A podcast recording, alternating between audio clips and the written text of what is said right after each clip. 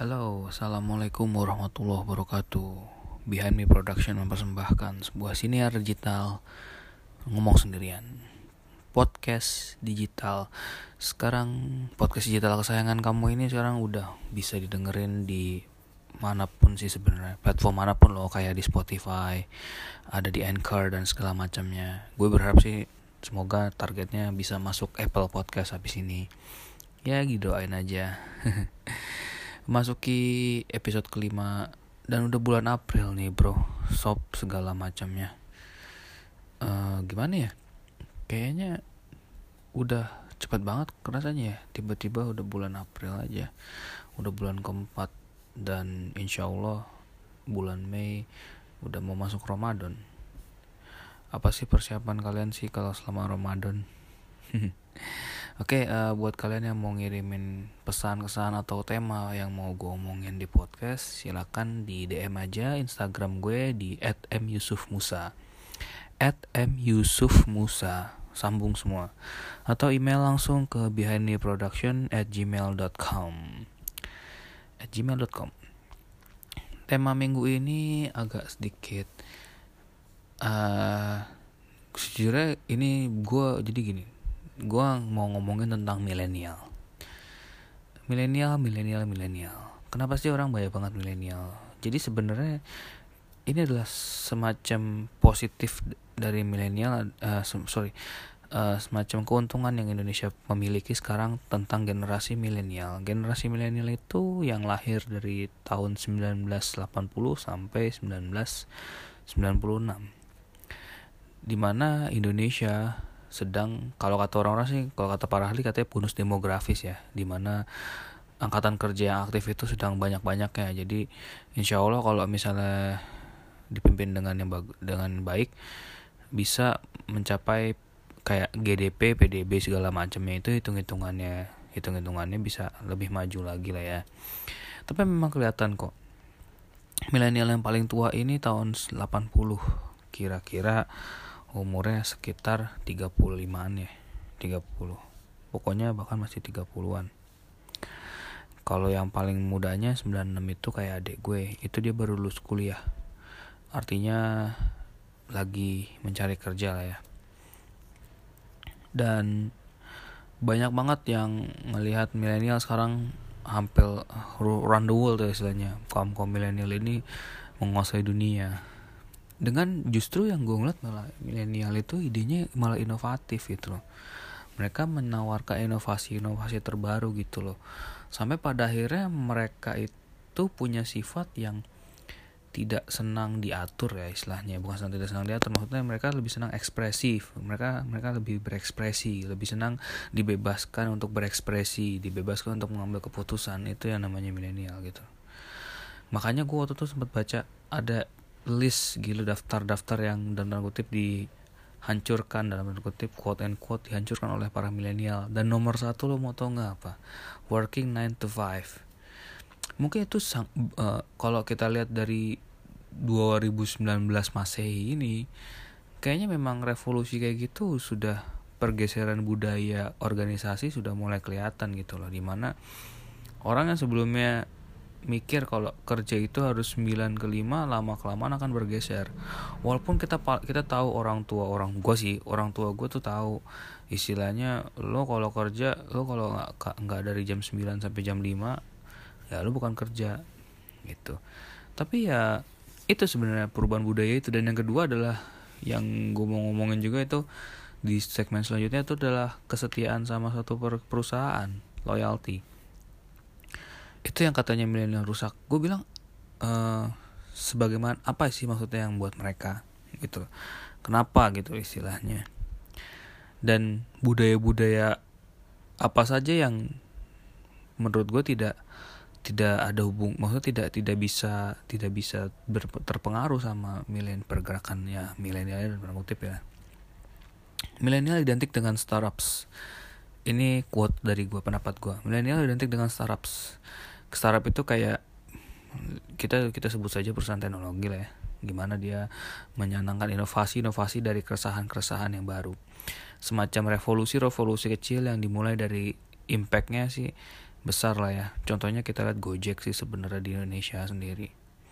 Di mana Nadiem Makarim pernah bilang yang punya Gojek dia bilang kata dia resah katanya dia selama di konsultan kerja dia mau ketemu klien tapi dia butuh kendaraan dan ojek terutama dan itu sulit sekali dan juga uh, dan itu sulit sekali sebenarnya accessibility sebenarnya nah makin ke sini banyak sekali memang anak muda anak muda yang kreatif yang mencoba untuk menawarkan ide-ide mereka dan di zaman keterbukaan seperti ini gue ngeliat mereka sangat berani gitu loh istilahnya.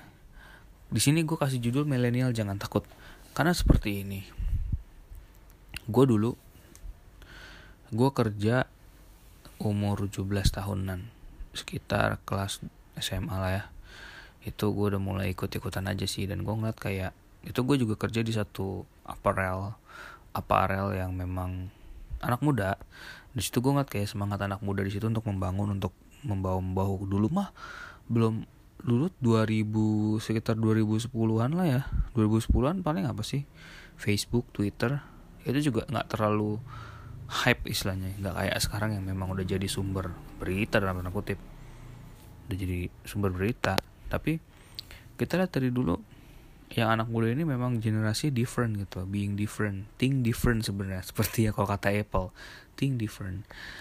Ada banyak sekali entah itu perusahaan entah itu bahkan orang tua generasi baby boomer itu melihat kalau milenial ini karena berpikir berbeda jadi di dalam tanda kutip di hu dan apa ya kasarnya itu kayak dihujat gitu. Mereka di, tidak disukai sama para orang tua ini gitu loh. Karena progresivitas gue uh, ini pendapat gue ya gue gue ngeliat kayak mungkin dalam di satu sisi orang para baby boomer ini mencuriga gitu loh.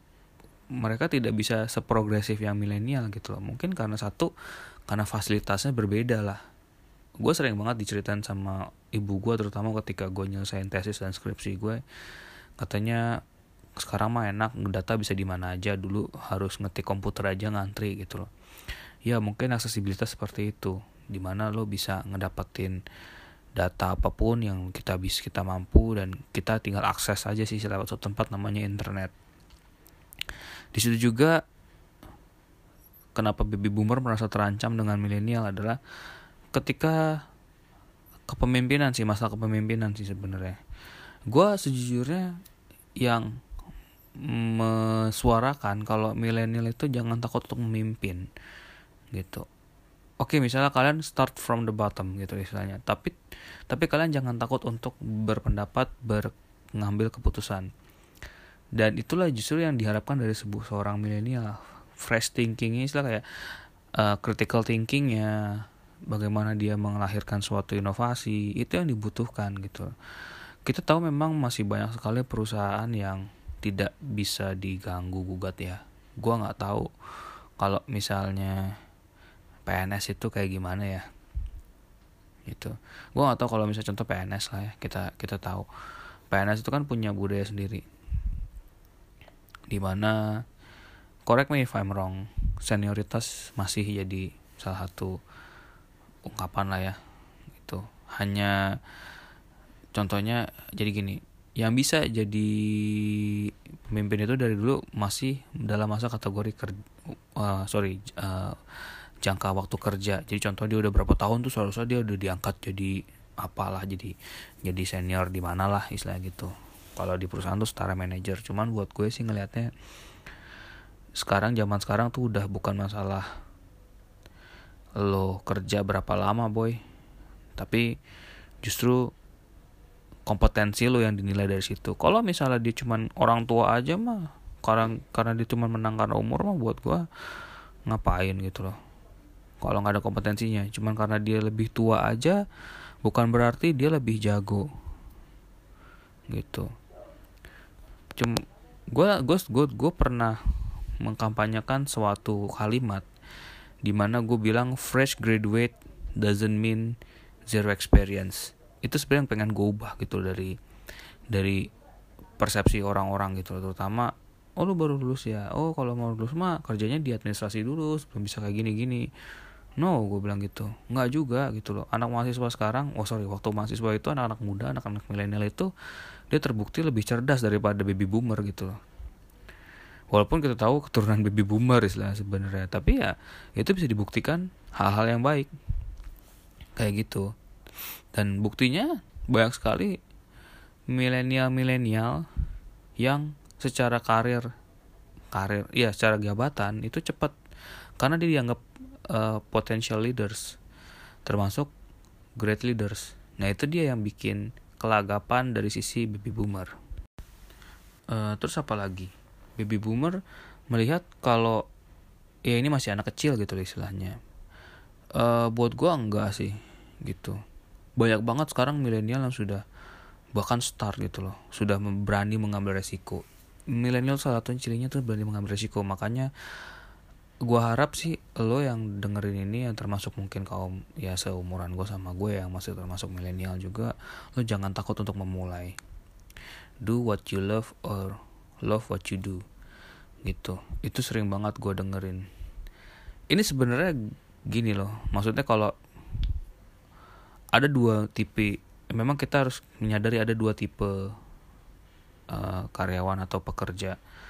Pekerja yang di mana dia memang gue ngomongin passion di sini ya gimana dia memang suka sama pekerjaannya atau pekerja yang di mana dia harus bertahan hidup. Kalau kita ngomongin dia kerja untuk bertahan hidup. Oke okay, itu gue nggak bisa komentar lebih jauh gitu. Sekarang yang gue pengen ngomongin adalah mereka anak anak milenial ini nih yang bekerja tapi anggot-anggotan lah istilahnya. Buat gue sih gampang bro. Kalau memang lo sudah mulai tidak cocok dengan lingkungan pekerjaannya segala macam silakan resign kenapa? Karena ini akan mempengaruhi performa lo doang. Jangan takut. Gary Vaynerchuk pernah ngomong gini. Nggak enak ngomongin Gary Vaynerchuk ya istilahnya. Gary Vaynerchuk itu mungkin yang punya VaynerX Media itu dia pernah ngomong ada satu materi di satu di satu materi di LinkedIn-nya dia itu video gitu. Dia bilang katanya ada orang yang curhat ke dia katanya. Uh, di seorang ini si A ini kerja di satu perusahaan di satu pekerjaan dia ngerasa fucked up lah istilahnya kayak nggak cocok lah istilahnya. Ngerasa nggak cocok sama pekerjaannya sejak minggu ketiga ke ya minggu, minggu ya bulan pertama bulan kedua. Cuman karena dia nggak ngerasa cocok dia pengen resign sebenarnya. Tapi dia takut menjelekkan resumenya. Dalam kutip memperburuk resumenya. Sekarang begini ada dua yang ada dua motif seorang karyawan itu resign. Yang memang harus gua gua sini tar dulu. Basic gua gua ngeliat gini gua bukannya me, ini ini pendapat gue ya dan gue sebagai HR du, da, gue punya berapa latar belakang gue sebagai HR tuh 4 tahun. Dan gue certified. Jadi gue mungkin ini pendapat gue sih. Gue ngat kayak seharusnya ada dua yang harus introspeksi yang pertama dari sudut pandang si employee-nya. Oke misalnya lo memang nggak cocok apa yang nggak cocok? Di situ yang harus dikomunikasikan. Yang kedua dari pihak perusahaan HR terutama jangan asal ngejudge dia cocoknya itu kenapa. Dia harus ini harus dikomunikasikan masalah ketidakcocokan. Apakah dia harus digeser? Oh, sorry maksudnya apakah dia harus dicoba ke bidang lainnya di bagian lainnya yang memang dia mungkin tertarik gitu loh. Dicoba dikomunikasikan dengan karyawan tersebut. Dan milenial jangan takut untuk komunikasi mengkomunikasikan hal tersebut. Ya ini memang pribadi personal tapi kalau misalnya lo harus tersenyum di balik kesusahan lo ya untuk apa gitu loh istilahnya. Tunjukkan ekspresi lo lah istilahnya sejujur-jujurnya hal tersebut. Ini yang gue ngomongin milen ini pekerja milenial yang dia itu ngerasa kayak tidak cocok lah sebenarnya sama pekerjaannya. Justru karena itu gue selalu dibilang sama orang tua gue terutama bapak gue untuk paling tidak sampai umur 30-an sampai umur 40 tahunan lo udah stop ya. Jangan yang mencari satu apa ya industri. Mungkin niatnya baik sih memang karena gini, karena untuk jadi eksportis itu bukan berarti kita bisa pindah-pindah industri gitu loh. In maksud sorry, bukan pindah-pindah kayak lu jadi anggap tadinya lu jadi sales ke marketing yang dari marketing lu ke misalnya ke uh, eh, IT bahkan gitu dari di IT ke sales segala macem bahkan lu fisikawan tadinya gitu. Tapi pilih salah satu yang memang lu suka coba lu dalamin di situ bidangnya. Itu lama kelamaan ada expertise lama kelamaan seperti itu. Cuman ya balik lagi kalau memang lu suka kenapa lu nggak kerjain aja? Gitu loh lo misalnya lo mau mulai memulai sebuah usaha ya lo coba menggali potensi yang ada. Mulai kolega-kolega banyak yang bantu teman-teman lo lo coba hubungan ber menghubungi teman-teman lo gitu. Ada pendekatan sosial ternyata. Untuk seorang introvert pun hal itu juga perlu sih sebenarnya. Dan jangan takut walaupun pendekatan antara introvert dan extrovert itu berbeda tapi ya one on one akhirnya mereka bisa menjalin suatu partnership. Hal kayak gitu. Kalau pada dasarnya gue sendiri gue ngeliat kayak budaya organisasi sekarang mulai bergeser. Gitu. Di mana yang gue lihat ya budaya organisasi yang tidak memberikan dampak ke lingkungannya itu itu termasuk kuno lah. Terlalu konservatif dan terlalu egois urusan yang seperti itu jadi terkesan CSR yang dikeluarkan hanyalah basa-basi.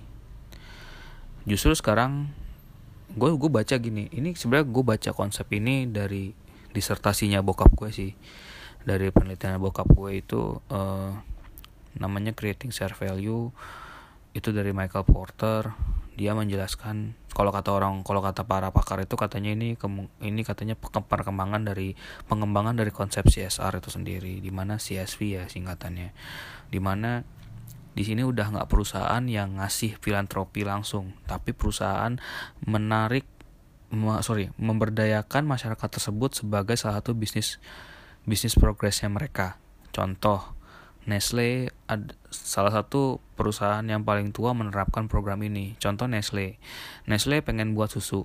Susu pasti sapi dong, peternakan sapi, susu lah, sapi, sapi, sapi ya sapi susu, sapi yang yang menghasilkan susu. Tapi Nestle punya kualitas sendiri akan susunya ini. Jadi dia tidak memang dia tidak tidak melepas masyarakatnya, petani-petani petani ya. Petani apa? Ya pokoknya yang punya yang punya sapi ini peternak sorry peternak sapi ini uh, diajarkan oleh Nestle bagaimana cara merawat sapi agar sapinya itu sesuai dengan standarnya mereka susunya.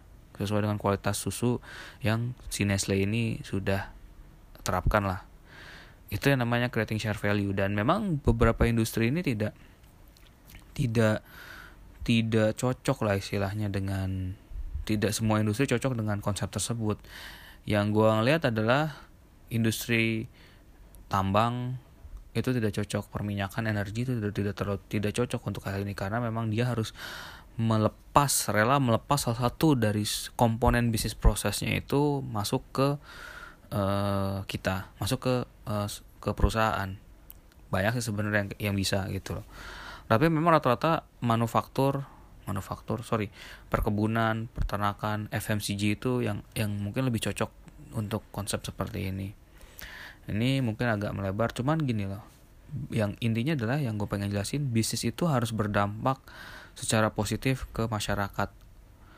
Itu yang sekarang gue lihat industri bukan industri ya satu industri seperti itu. Bisnis bisnis yang memang berdampak langsung ke masyarakat yang yang di mana masyarakat bisa langsung merasakan perubahan untuk dirinya keluarganya segala macamnya contoh lagi Gojek di mana kampanye-kampanye Gojek dia bilang katanya ada beberapa contohnya katanya waktu itu ada guru atau dosen ya yang dia akhirnya mendaftar sebagai Gojek sebagai part time-nya menarik ojek itu dan dia bisa mengubah hidupnya dia dengan bersekolahkan menyekolahkan anaknya dapat uang tambahan segala macam untuk istrinya modal istrinya berdagang segala macam. Itu buat gue social impact sih ngeliatnya. Apalagi misalnya kita sebut ada lagi yang ada lagi yang namanya warung pintar. Warung pintar ada sebuah startup yang gue cek yang gue lihat dia dia dia punya social impact untuk memberdayakan warung-warung yang kita kenal selama ini kumuh. Dan bagaimana caranya mendekatkan terutama dekatan teknologi terhadap orang-orang yang tidak terlalu biasa dengan teknologi tersebut. Itu sebenarnya yang pengen kita lihat.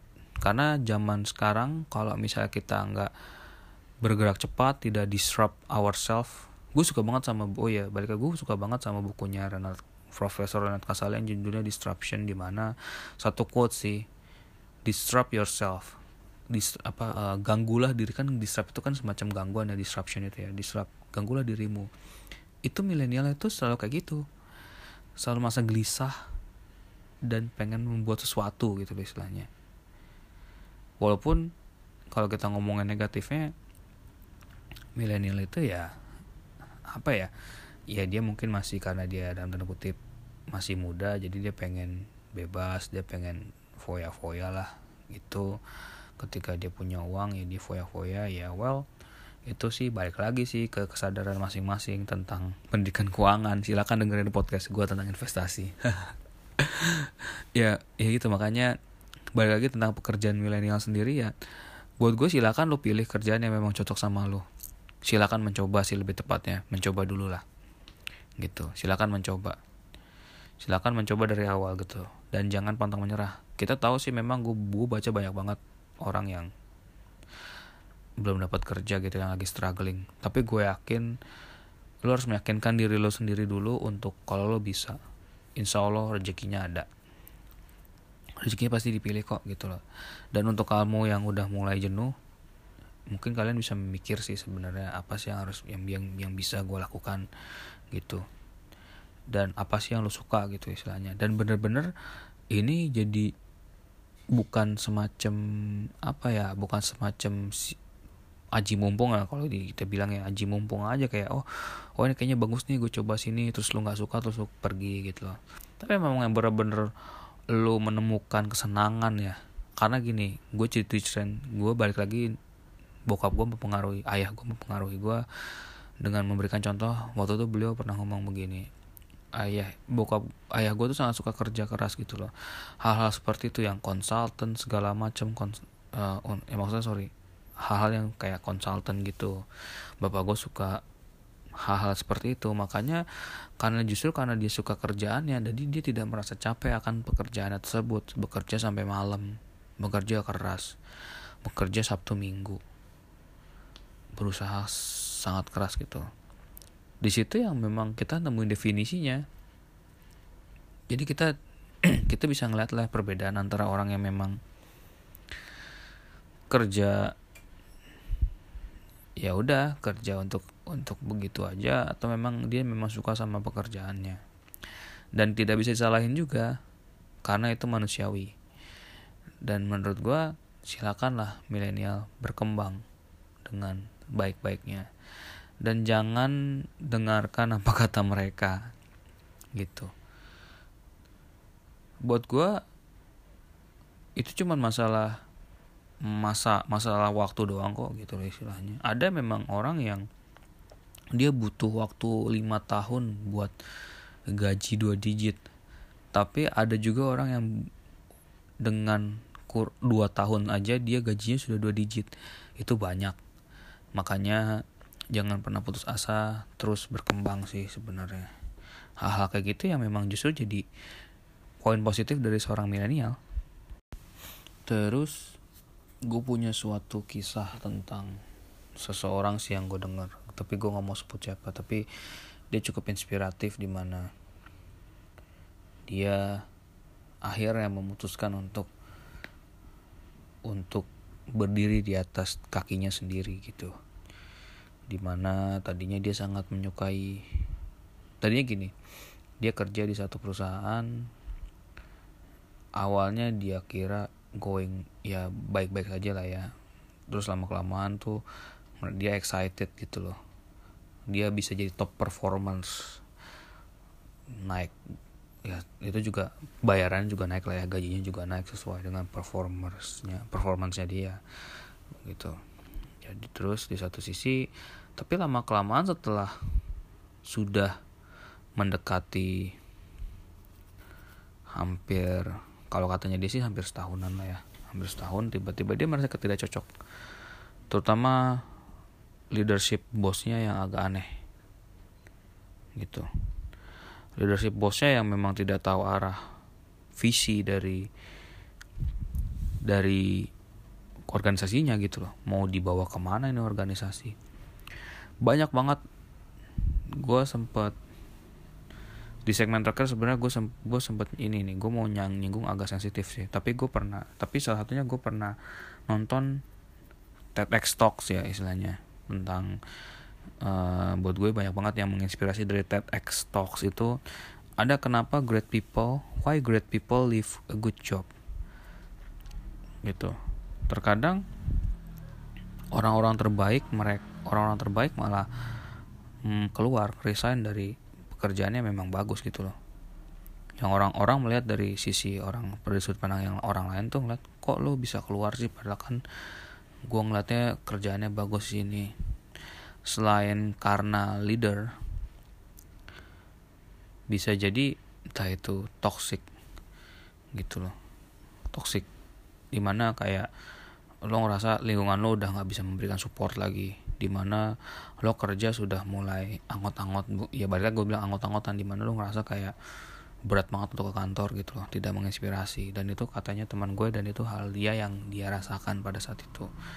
Awalnya enak bagus lah. Tapi kelama kelamaan mulai ada nih yang perbedaan visi lah istilahnya. Gitu. Dan kalau tanya dia sih atasannya sih atasannya punya budaya yang memang tidak terlalu kuat lah tidak terlalu bagus gitu. Jadi dia bukanlah sebagai leader yang baik lah istilahnya. Karena planningnya juga tidak jelas sih. Jadi bagaikan istilahnya apa ya bagaikan kapal yang dilepas begitu aja ke lautan. Mau ke mana tidak jelas arahnya. Di saat perusahaan lain sudah bisa berprogres lebih jauh dari itu ya dia stagnan. Dan ketika udah kayak gitu dia ngerasa kayak atasan itu malah jadi menyalahi anak buahnya. Itu yang buat dia akhirnya memutuskan untuk berdiri pada kakinya sendiri. Oke cari yang lain dan gua harap juga milenial juga jangan takut gitu loh istilahnya. Untuk selalu uh, percaya diri lah istilahnya. Yakinin diri lo aja sih sebenarnya sih. Hal-hal ya kita yakin pada diri kita sendiri kalau memang kita bisa ya kenapa enggak? Gitu. Makanya jangan takut. Dan juga pada saat milenial sudah ada di dampuk kepemimpinan itu kita jangan jumawa lah istilahnya bahasanya kita jangan jumawa gitu kita harus tahu justru kita sebagai manajer atau sebagai leader gitu loh kita harus bisa bekerja untuk employee-nya, bagaimana kita berkomunikasi, memberikan visi kita jelas objektifnya apa. Jangka panjang visionnya kita tuh sebagai leader harus jelas. Kita bisa membuat apa pun, misalnya contohnya kayak roadmap kah atau segala macam planning. Itu yang justru yang diharapkan leaders lihat kompetensi dari hal ketika dia leading, ketika dia memimpin teman-temannya, ketika dia apa ya bisa mem membuat influence lah istilah membuat pengaruh kepada lingkungannya terlihat sih sebenarnya kayak gitu hal-hal kayak gitu cuma ketika memang seorang leader ini dibatasi segala macem. Mental semua ke apa pendapatnya dia. Terus juga ada gap antara atasan dengan employee misalnya gitu. Itu sebenarnya di cara cara masuk itu dengan komunikasi sih sebenarnya. Cuma kalau misalnya komunikasi sendiri sudah tidak efektif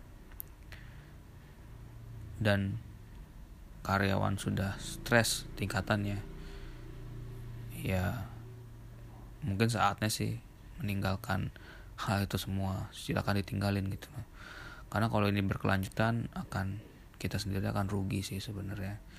Kayak orang-orang ini akan rugi. Dan teman gue ini make sense juga sih. Gue liat oh iya sih. Memang secara ketika lo ngerasa orang mungkin dari secara secara dari pihak luar eksternal itu dari pihak sudut pandang yang lain dia ngerasa kayak lo tuh udah punya kerjaan enak bayaran bagus posisi bagus tapi kenapa lo keluar? Gitu jadi jangan pernah tanyakan istilahnya ke orang seperti itu. Karena memang selalu ada pendapat-pendapat yang lo nggak perlu tahu lah. Pasti ada alasan lain kenapa dia melakukan seperti itu. Mungkin dia memang mau menjadi mengejar mengejar apa yang pengen dia tuju gitu loh. Karena dia tidak senang. Gimana kita mau perform kalau misalnya kita tidak senang dengan pekerjaannya?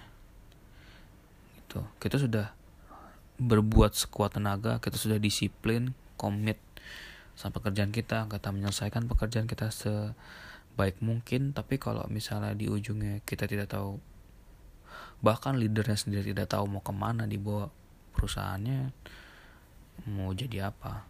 Sudah itu sih sebenarnya sudah sudah termasuk toxic ya. Toxic toxic di tempat kerja gitu loh. Jadi dan satu hal sebenarnya sih yang ada banyak sekali yang tipikal milenial juga yang memang dia malah justru ngerasa dia tidak berani gitu loh untuk berpendapat. Jadinya yang dikeluhkan apa sih ya malah pihak yang lain gitu loh malah orang lain. Padahal ngapain sih? Ya balik lagi gue bilang tadi kalau lo memang gak suka ya silahkan kita, ya ayo kita kita kita ambil jalan lain gitu loh. Jadi jangan bertahan di hal yang kayak gitu. Dia pengen merubah di dalamnya tapi dia tidak mau tidak mau tidak mau langsung merasakan lah istilahnya dalam apa ya mempengaruhinya lah istilahnya. Atau merubah hal tersebut. Tapi setelah dia kena kena gesekan itu karena dia merasa berbeda dan dia terkena gesekan itu dia langsung menyalahi orang lain. Tidak itu tidak bisa di, itu, dipungkiri juga. Kalau memang sudah karena itu arusnya sudah deras gitu loh. Ya silakan kita tinggalkan arus tersebut. Cari yang memang lebih tenang yang memang membuat diri kita lebih nyaman gitu. Prinsip gue adalah gini comfort zone gue adalah keluar dari comfort zone. Mencoba tantangan baru mengambil resiko yang sangat besar tapi gue juga tahu. Tapi kita juga harus tahu resikonya. Kita juga harus bisa ngitung. Kita jangan sampai intinya tidak terjun bebas kalau kata bapak gue sih gitu. Tidak terjun bebas. Kita harus well plan lah. Well plan dalam maksud gini oke kita kita tuh ada ada resiko di sana tapi kita tahu ini bisa bertahan seberapa lama. Dan milenial kalian adalah pemimpin masa depan. Jangan takut untuk mengambil keputusan dan jangan takut untuk melakukan apa yang kalian sukai sih sebenarnya. Apa yang sorry apa yang kalian cintai gitu. Ya memang ketika kalian jatuh cinta kalian tidak bisa melepaskannya gitu. Hal yang bisa memang membuat kalian berkembang membuat kalian belajar. Gue juga sebenarnya baru baru-baru ini sih nggak bukan baru-baru sorry. Gue sebenarnya udah lama nggak baca buku-buku tentang kayak gitu. Tapi memang setelah gue baca buku tentang dan motivasi kayak gitu sekitar kelas mungkin kuliah. Cuman gue nggak ngerti awalnya ini padannya apa. Gue cuman tahu ketika gue lagi down gue baca kayak gitu ternyata bagus juga ya. Istilahnya buat apa sih? Masukan buat gue tapi ya itu balik lagi. Bagaimana kita sendiri menghandle nya makin ke sini gue makin tahu oh ternyata ada hubungannya juga ya.